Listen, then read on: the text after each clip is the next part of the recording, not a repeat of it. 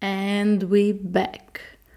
Tale enotedenski premor se je iskreno zdel večen, tako da sem res vesela, da so Glasbalons nazaj z eno vročo epizodo za te vroče poletne dni. Tokrat sem se pogovarjala z nekom, ki se ukvarja s kodo, se pravi, je programer. Ampak ne noč predsotkov, da je to naporno, oziroma kakorkoli. Je zelo razmišljujoč človek in daleč od tega, da bi v življenju videl samo ničle in enke. To je Tadej Bukovec. Svoje prve delovne izkušnje je dobil v Outfit 7 in sodeloval tam na področju razvoja Talking Angele. Sedaj pa dela v startupu Beeping, ki pa je v bistvu Uber-like čistilni servis. Formalno je Tadej diplomant fakultete za računalništvo v Ljubljani in drugače prihaja iz Kočevja. Če vam bo pa njegov glas ful všeč, ga lahko najdete na podkastu Knedel Fura. Kaj je Knedel Fura? Knedel Fura je podaljšek njihove ideje Knedel, ki pa rešuje logistične težave za disponente.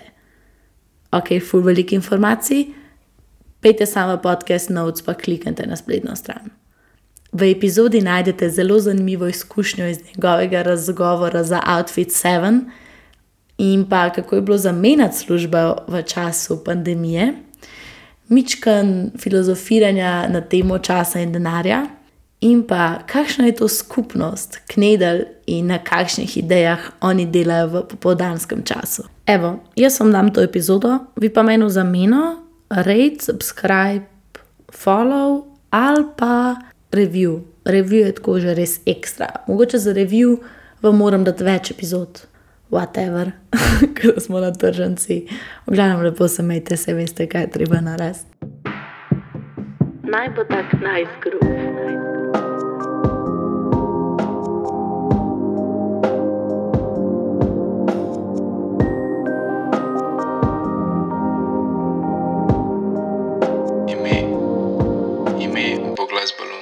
Nice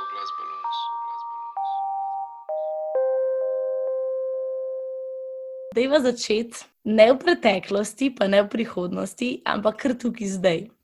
Kaj počneš trenutno? Kot vem, si zaposlen na Bipingu, na mladem slovenskem podjetju, startupu in nudite v bistvu čistilne servise na foru Airbnb. -a. Tako si jaz to razlagam. Zdaj pa malo popel v to, kaj sploh počnete in kakšna je tvoja vloga tam. Ja, v bistvu nudimo na nek način Uber uh, za čistilke, ki si lahko uh, naročiš čiščenje, in pa naši čistilci en random pride, razen če imaš primim naročnino, okay, pa, pa si ga lahko zbiraš. Um, ampak, basically, kar jaz zdaj delam v tej mali ekipi, ki nas je osem trenutno, um, pomagam še z enim programerjem uh, skupaj. V bistvu sistem postavljamo, da bo bolj stabilen, ker če želimo razširiti to rešitev na večji trg, ne, ni, ni bila tako uh, robustna prej, pa se pravi, se skupaj trudiva to zboljšati. Um, se pravi, ti si, ti si ta binarna oseba, oziroma programer, ne nič le pa enke. Ja, ja. Okay. Um, ne glej strogo, kot programer, no, ampak pač. Lihto je startup, nekaj nisi samo programer, ki bi isto lahko še kaj drugega, daš še feedback na vem, oglas na Instagramu ali pa kako bomo naslednjo stvar zafurali naprej. Uh, ne sem, ok, tle imaš neke naloge in ti za to sprogramiraj. Ja, to je taka startup kultura, ne? da kar mm. poprimaš, mm. v bistvu del tam, ki ga vidiš. Mm. To je fajn, to je fajn. Ker se mi zdi, da tudi bolj celostno vidiš sam produkt. Pa. A veš, ja. ni. Uh, ni strogo, pa sam, olej, to jaz oddelam, opeti grem iz službe. To je to. Hudo. Se pravi, ja, točno ti si se joinil v času tega lockdowna in naše karantene. 1. april, ja. in kako je bilo to? Uh, v bistvu stresno. No? Tako, uh, bil je velik premik, uh, zaradi tega, ker prej sem imel redno zaposlen v velikem podjetju. Zdaj sem pa mogel kar naenkrat v tistem času in odprti SP in urediti, pač, se pravi, urediti vse papirje za SP, pa je bilo itak vse zaprto zaradi korone, nekako je uspelo po mailih. Um, in ja, v bistvu je bilo presenetljivo lahko to narediti. Okay, se so, bili, so, bili so neki zapleti, ki se mi ni zavarovan naredil, ampak tudi to smo uredili. Ampak tako pač. Kaj pa spoznavanje ekipe, glede na to, da nisi najbolj nobenega poznal, takrat, ko si začel delati? Kako je bilo pa ta prvi, a ste že bili v živo skupaj, najbrž pa? V bistvu uh... sam na razgovor sem spoznal pač uh, oba direktorja, um, pa Nikola sem poznal prej, se pravi, šta drug uh, programer, ki delava skupaj. Ampak ostale sem videl sam na sleku. Enkrat smo imeli razgibavanje skupaj. smo, se, smo naredili klic, pa smo naredili streči. Pa sicer več nismo delali streči, upam, da jih bomo uh, spet kmo. Ampak pa, ne vem, me je bilo naravno. Ekipca se mi zdi, da je bila ful dobra, je še vedno ful dobra. Uh, vsi smo se nekako ujeli, smo bili na istem nivoju, se mi zdi. Če ne drugo, vsaj s forami, Uh, pa že to je dosti, mi zdi. ja, še posebej, če ste sam pač prek Sleka si pisali v čanel, ste mogli biti tako uporabljati emoji, pa biti pa razni ja. do drugega. Mm. Ampak sej, pri osmih ljudeh, veš, mogoče malo lažje. Ali pa teže, se ne vem, mogoče imam samo srečo, veš, pa jaz to. Ja, mislim, da imaš srečo. Mm, ja, jaz bi to rekel. No, dej, uh, ampak si ti od zmeri vedel, da boš programer, oziroma je bila to tvoja želja in si imel tako nekako v mislih, kaj boš počel, ali kako je ta prehod pri tebi zgledal iz srednje šole v pol malo bolj usmerjeno izobraževanje? Ne, v bistvu nisem vedel, kaj bi bil do faksa. V bistvu še na programerskem faksu, na začetku programerskega faksa nisem vedel, da bom programer. Tako pet je bilo. Um, v bistvu, ja, spomnim se nekih sanj o tem, da bi bil kuhar v osnovni, pa pol, da bi mogoče filozofijo študiral v srednji, ampak pol, ko smo dali karte na mizo, sem videl, okay, da se zdaj splača uh, filozofijo ali bi naj šel uh, informatiko, ker filozofijo sem imel ful dobr, informatiko jedva, tako bi da je bilo. Uh, pa mi je profesor filozofije tudi rekel, da bilo bolj, da probam uh, informatiko. Pa sem se sicer dve leti vzid zabijal z glavo, ampak nekako je steklo in sem pol poštekal te stvari, in pa sem lahko um, šel naprej s programiranjem.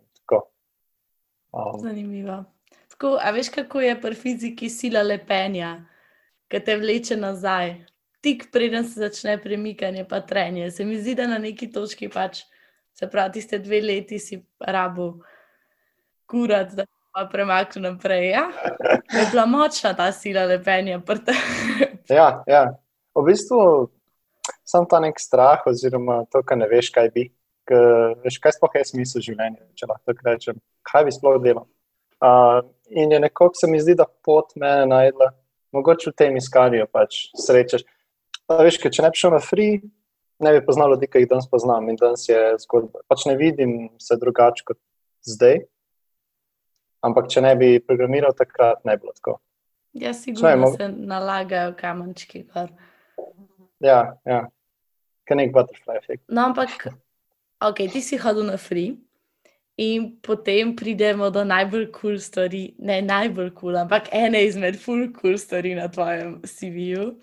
In to je delo na Outfit 7, oziroma unika dela Talking Toma, plus druge stvari. No? Uh, kako si se ti, ker najprej sploh nisi vedel, če to hočeš za res početi, odločil, hej, zdaj pa jaz grem, pa sem na to prijavil. Kako je to sploh izgledalo, a ki si začel delati, si imel un feeling, ja, jaz to vse znam, meni so to na faksu naučili, ali je bilo uno, učim se sproti, kaj grem in orjem. Ja, bolj ta druga. Um, v bistvu na začetku na outfitu sploh nisem bil programer, ker tudi nisem imel jaz zase nisem, nisem bil verjel, da imam sposobnosti, da bi lahko bil nek ok programer tam. In pa sem videl, ok, se če grem pa kot QA, pa malo spoznam mogoče bi lahko kaj zafural v tej smeri. Ne? In presenetljivo se je to dalo. Sicer, čakaj, kje uh, si pa zvedel, kje si pa zvedel za zaposlitev? uh, en kolega je bil z nami na morju, ki je takrat delal uh, tudi na Outfitu že. Pa mi je pač uh, moj cimer teda nekaj poznal tega kolega, je rekel, ja, se bo on malo povedal, uh, koliko je na Outfitu. Outfit, kaj sploh dela Outfit? Nisem niti vedel, tako pač. Pa spomnim se, da sem tako pred, ne vem, mogoče tri leta predtem, še malo več sem pluval čez Talking Tom, češka, zakaj bi to sploh igral. In to je najbolj kar neki in pol, evo, zarečen kruh se je spekel, meni je bilo. Tako. Sicer eh, na prvem razgovoru nisem dobil službe, pa sem me dal na čakanje. Da, No, da povej, kako je izgledal razgovor. ja, v bistvu dal sem mi samo en vprašalnik, ne, imel sem, uh, mogel sem najti neki deset bagov v enem Apple, v starinskem. Uh, jaz sem tisto najdel, pa je bilo še malo tako vprašanj, da, da vidimo, če se začutimo sploh med sabo. Najslabša, oziroma najhujši udarec je bil na koncu razgovora, ker okay, poleg tega, da je bilo vse skupaj stresno, prvi razgovor, pa grdo so me gledali, vsaj tako sem jaz to dojemal. um, po na koncu sem vprašal, kaj bom punci povedal, ko pridem domov v Outfit 7. Kaj, kaj bom rekel? In sem se hodil pač pohecati, ker okay, bila je neka napetost v zraku. Sem rekel, da ne bom povedal, da imajo lušne punce tle. In je tako sam naglo se je kolegu, tako je sprašoval in je rekel, uh, da napiš, uh, da je pusi.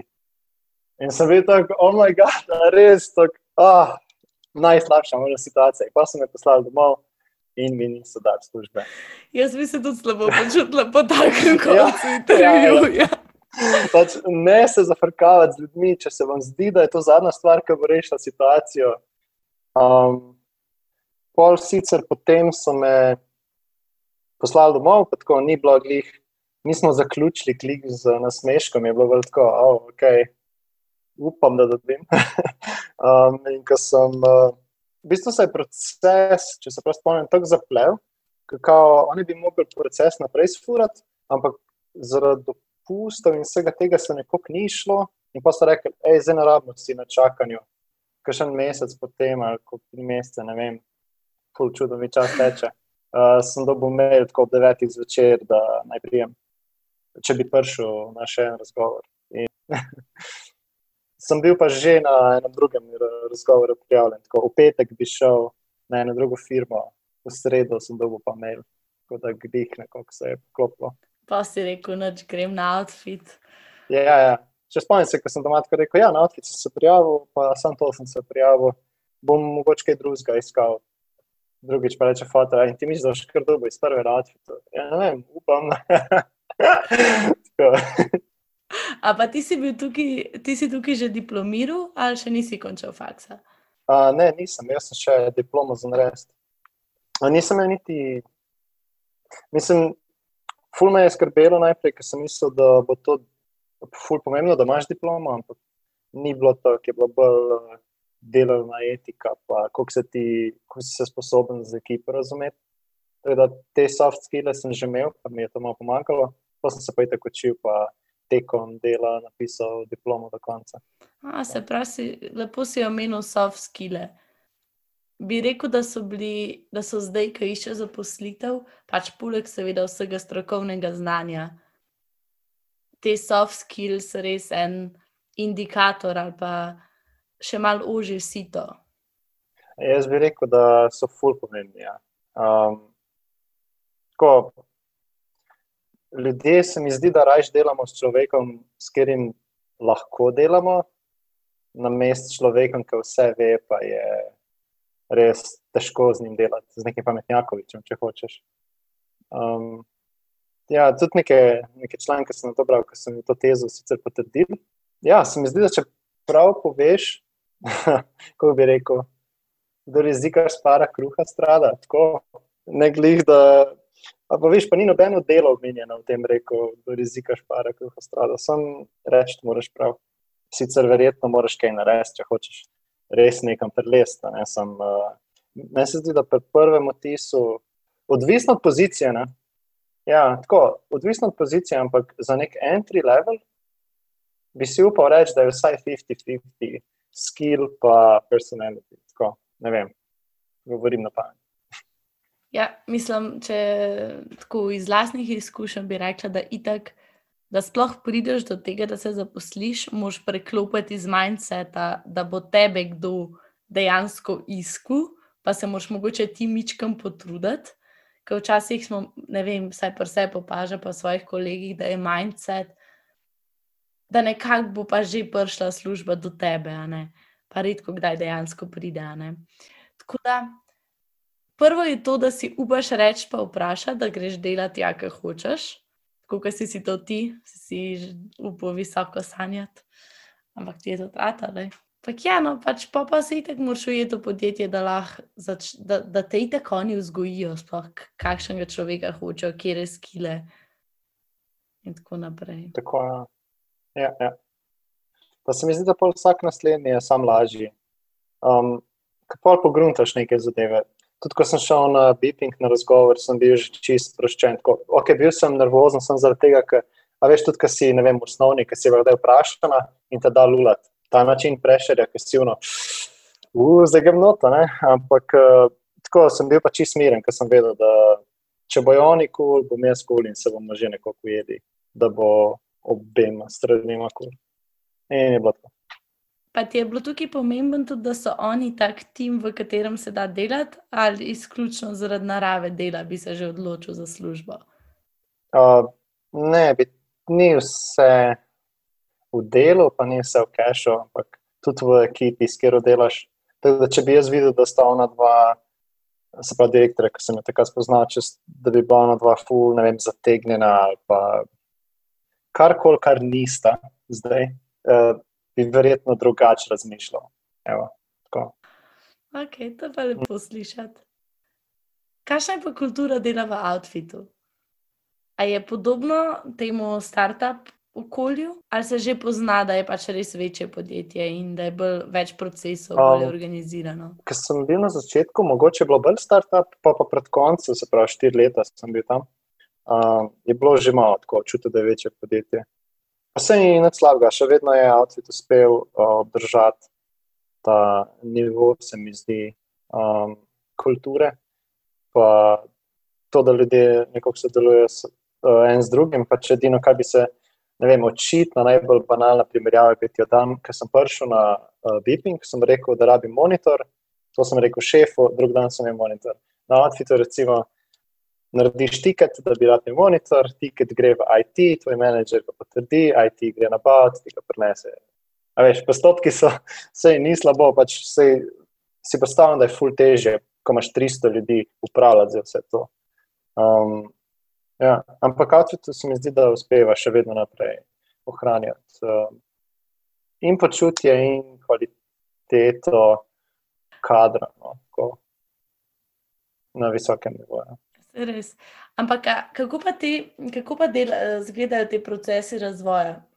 Uh, čistko uh, se, pač se dobijo vodje oddelkov, pa med sabo brainstormajo, pa pa v bistvu imate vi, vsak dobi neko nalogo, ali se vi skupaj tudi s temi kreativci, ki delajo musko, uh, artisti, pogovarjate, pa skupaj nek feedback, kljub zaključite.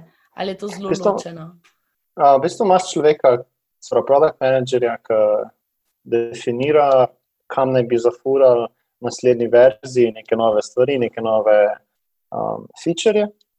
Um, in pa, ko oni to med sabo se zmenijo, ti produkt menedžerji se med sabo malo brainstormajo, ko oni ipak so specializirani v to, da definirajo neke specifikacije za projekt. Pa sem pa mi to, se pravi, produkt menedžer za našo ekipo. My Talking Angel, v mojem primeru, bi nam to predstavil in pa bi mi šli malo čez to, bi dal kakšen feedback, kakšen concern, recimo, uh, testeri bi povedal, če je kakšen fuck up, lahko ne. Ja, lahko. Sprav, testeri bi povedali, če je kakšen fuck up možen. Uh, samo zavestno rekel. ja, sem mislil, da imaš katni laptop. Epizoda je explicit content, veš. A res? Ok, ja. ok. Pizda.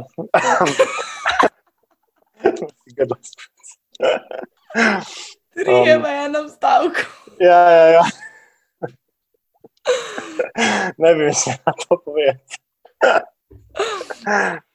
Ok, se pravi, product manageri bi to prišli bi do nas z temi um, predlogi oziroma načrtom, ko bomo to zafurali in pol smo skupaj imamo po brainstormu in pol je vsak iz svojega foha dal nek feedback, se pravi, programeri smo povedali, če okay, to bo mogoče ful težko implementirati, testeri bi najdli kakšne situacije, ki bi štele stvari narobe oziroma bi bilo težko testirati in tako naprej in tako naprej. In pol bi te product manageri delali iteracije, dokler projekt ni kukar tok um, doable v tem okvirju, ki smo si ga zadali za release. Se pravi, ne vem. Imamo štiri tedne, a nam lahko v štirih tednih vrata.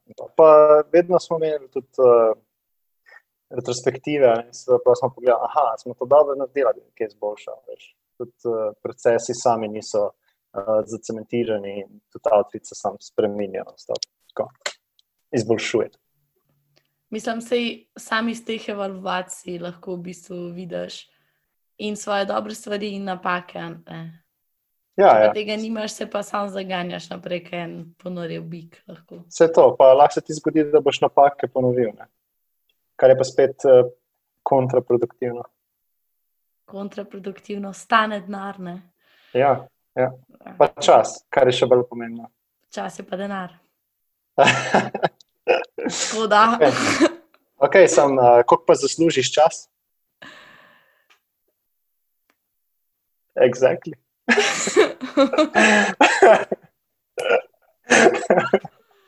ok, to je bilo za danes vse, ne bo se kaj s tem več govorili. Joj, avč. Zdaj bom pa o tem razmišljal še par dni, po mojem. Hmm. Ne več vedeti, da je tako, da lahko kaj zaslužiš, lahko kaj zapraviš. Lahko zapraviš cajt, ampak ga ne boš dobil nazaj. Tako. Je tako kot energija, v bistvu, veš. Ne moreš ga shraniti. Ja, ja. ok, naj ti bo. Evo, imam, imam elektrika, je to elektrika. Kaj pa, kaj pa je perfekcionizem, pa ta strah pred neuspehom? A si kdaj občutil kaj tasga? Mislim, ja, jaz sem čist uh, avtističen, kar se tega tiče. Um, imam rad stvari, da so. Ah, bom jaz temu rekel, da se meni zdi, da so pod kontrolo, ampak ni zdrav ta način življenja, če se res hočeš, če se res trudiš, da boš vse kontroliral, slejko prej boš razočaran. Tako da je ok, če, je okay, če kaj ne, ne rata.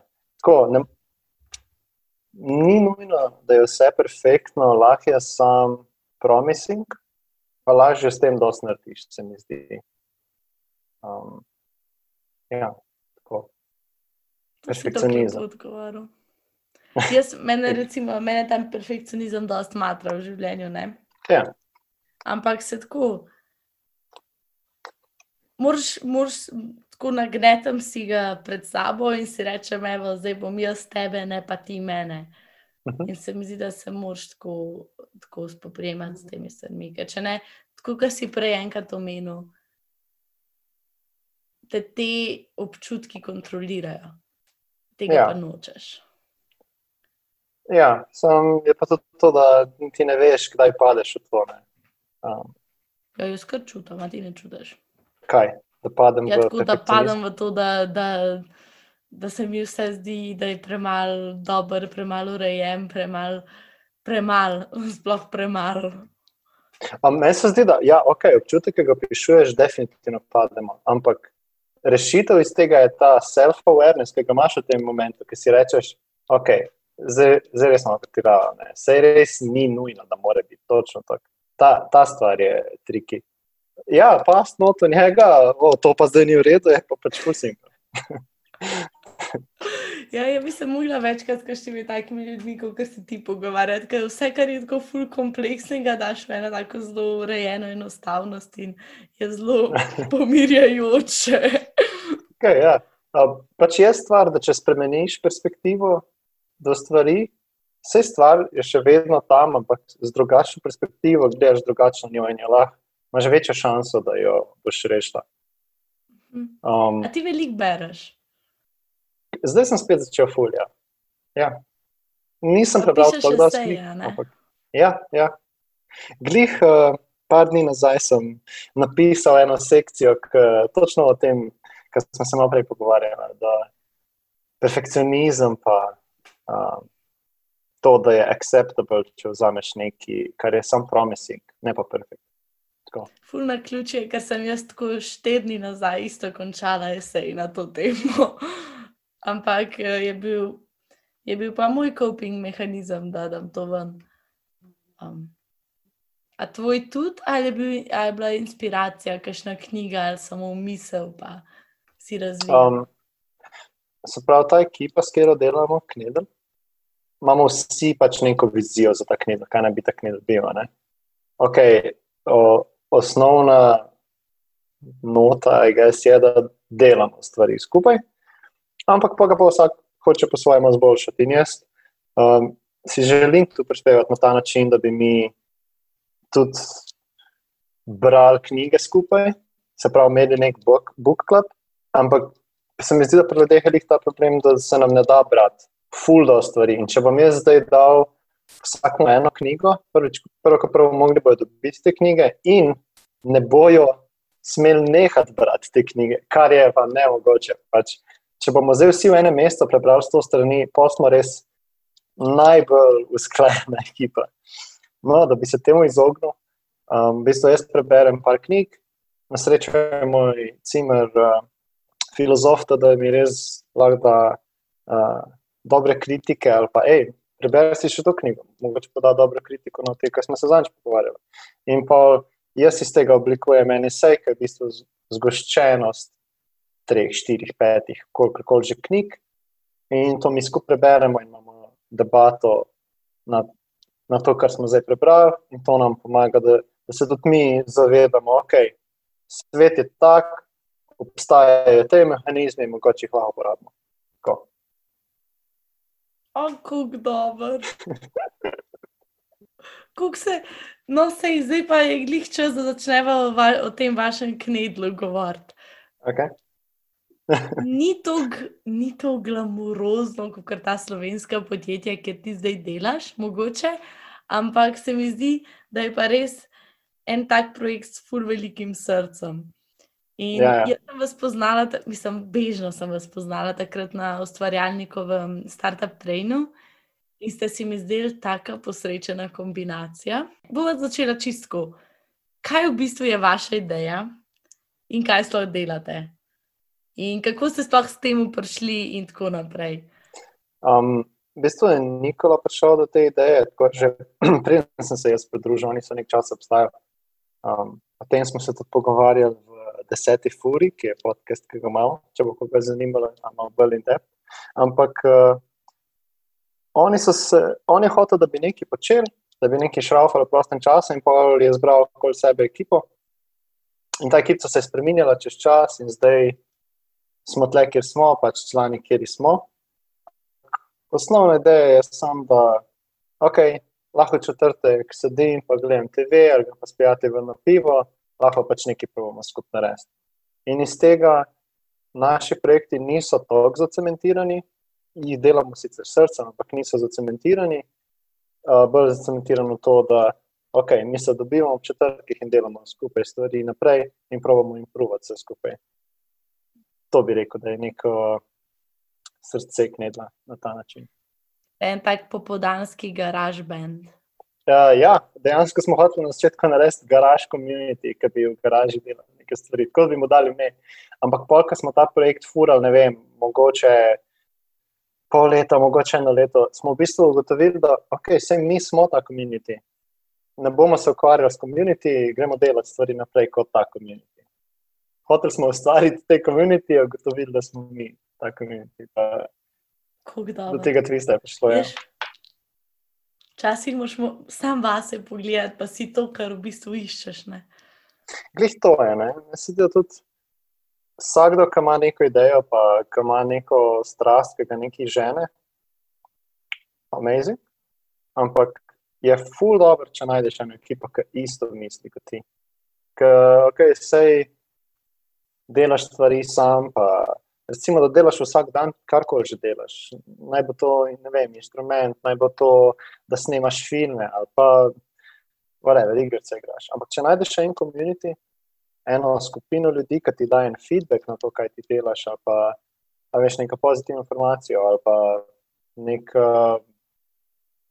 ne vem, že sam neko občutek varnosti, da ok, delam stvari, ki validirajo me. Uh, in pol tudi to se mi zdi, da izboljša sam, samo zagnanost, ki jo imaš do te stvari, že itak. Ja, kakršen koli proces, pa če se kar se lotiš, je vse full fine, ta ustvarjalnost, pa recimo, če si sam pri njemu. Ampak najhujši moment je, ker si ti dolgo, neko dolgo obdobje sam s tem projektom. In ne dobiš nazaj feedbacka, in hitro začneš razmišljati, ali je to sploh dobro, ali to sploh je kaj. Če pa si res ti v nekem taki družbi ljudi in si to menjaš, ne, je pa konstant loop, pa sej so plusi, pa minusi, najbrž, ker tudi kritiko slišiš.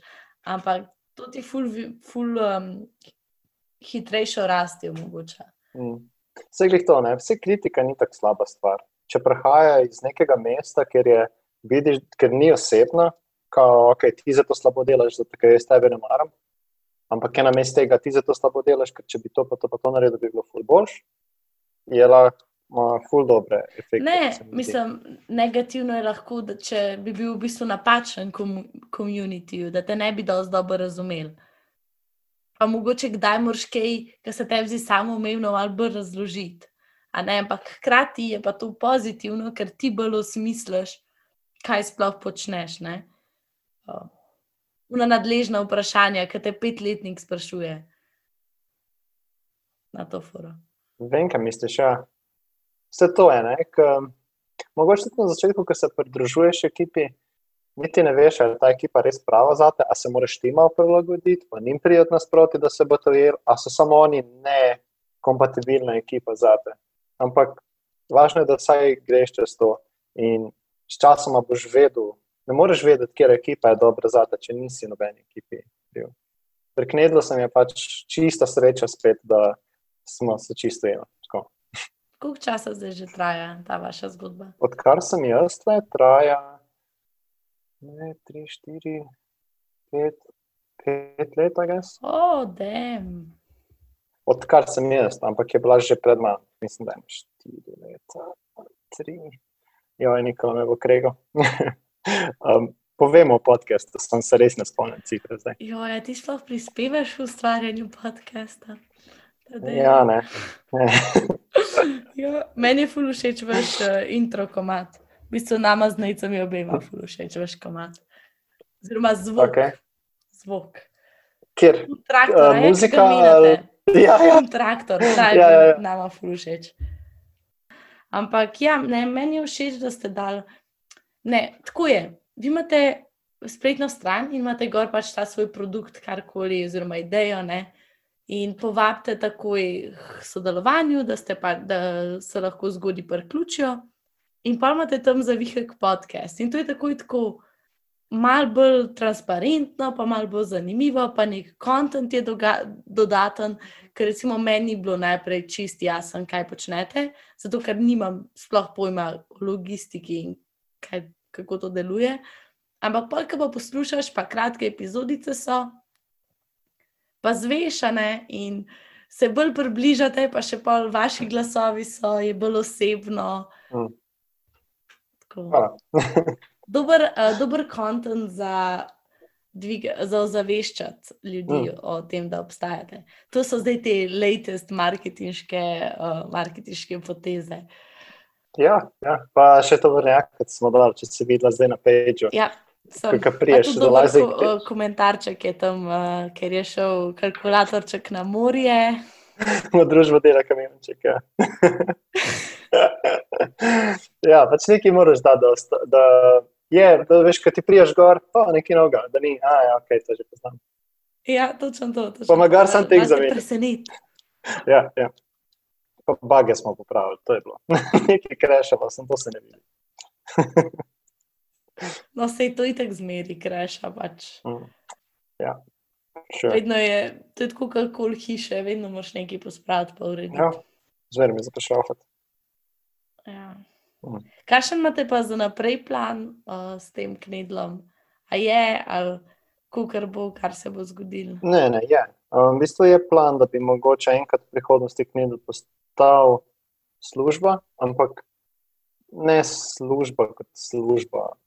Veš, kaj hočem reči? Ne? Da bi pač sami naredili neko stvar, ki bi nam prinašala dohodek, mi pa lahko delali svoje stvari zraven. Um, Noben od nas ne ve v resnici, kjer projekt bo to, ampak kjerkoli projekt že je, uh, smo vedno stotno noter. Tudi za ta FTL, ki si rekla, da ti ni bilo časa, smo šli in na vlak in smo se srečali na vlaku in dobili smo Ja. yeah. feedback od ljudi, ki so dosti bolj, um, dosti bolj izkušeni kot mi. In se mi zdi, da če ne bi bilo tle nič resnega, da ne bi nič od tega naredili. Tako. Ja, sigurno. Ja. sigurno. Imate potencial. Že zato, ker ste tak tim, pa s takim skillsetom, eh, komplementarni med sabo. Ja. je to pa. Predvsej odprti, glavno. tako. Um, to, to, da pač hočejo, se, hočemo vse te stvari delati, ki jih se mi zdi, da dosti pove o tem, kako ekipa sodeluje. Da imate disciplino, da dejansko vsak četrtek, oziroma pač, ko se zmenite, a veš, da se vidite. Ja, ja, seveda. Če grem zdaj na naš Slack, uh, boš videla, da je v četrtek nekdo napiše, danes ob osmih in pa se spodaj emoji, ja ali pa pač ne, vedno so ja, ali pa work from home, at least. Se pravi, imamo vsaj video klic. Kul cool ste, res ste kul. Cool. Jaz trajam, da naredim tako community. Čas, to, to jih najdeš. To enkrat se ti zgodi random, ki sploh ne veš. Pač ne moreš vedeti, pa da se jutri. Preveč je uh, kaotično vse skupaj, da bi. Hotel sem reči, da bi se šparal za tisto, kao, zdaj pa ne bom več naredil, dokler ne najdem ekipa. Ampak so niščeš, vse jih pač filtriraš. Ok, to ni, rabo to. Tako. Ja, pa itak je love attraction, veš to, kar nekako daš, se mi zdi, da privlačeš, saj jaz to verjamem. Ja, ja, tudi to je. Itak, Zavestno in zavestno. s časoma se itak filtrira. Pač stvari, ki napašajo skupaj, se mi zdi, da s časoma itak razpadejo. Pa naj to ekipa, razmerje, ne vem, podjetje, veš. Pač vidiš čez čas, kako gre. Koda. Koda, Vse. definitivno koda. No, da da te za konec vprašam še finalno vprašanje, ki je vredno en milijon dolarjev. Kaj slišiš besedno zvezo Glass Balloons? Kaj si predstavljaš? Oziroma, zakaj misliš, da so dala tako ime? Stekleni balončki. Um, tako. Zdi se mi, da ima ta ful zanimive teme, um, da hočeta nekako mladim predstaviti, da mogoče um, ni tako težko nek narediti, oziroma da je sam stvar v tem, da moraš delati nekaj, če hočeš nekaj narediti. In iz tega bi rekel, da vsi živimo v enem balončku. Um, ne veš, da si v balončku, zato ker balonček je steklen. Uh, se pravi, je sam bed, ampak vidva probava ta reči, hej, mi smo tle zdaj v balončkih.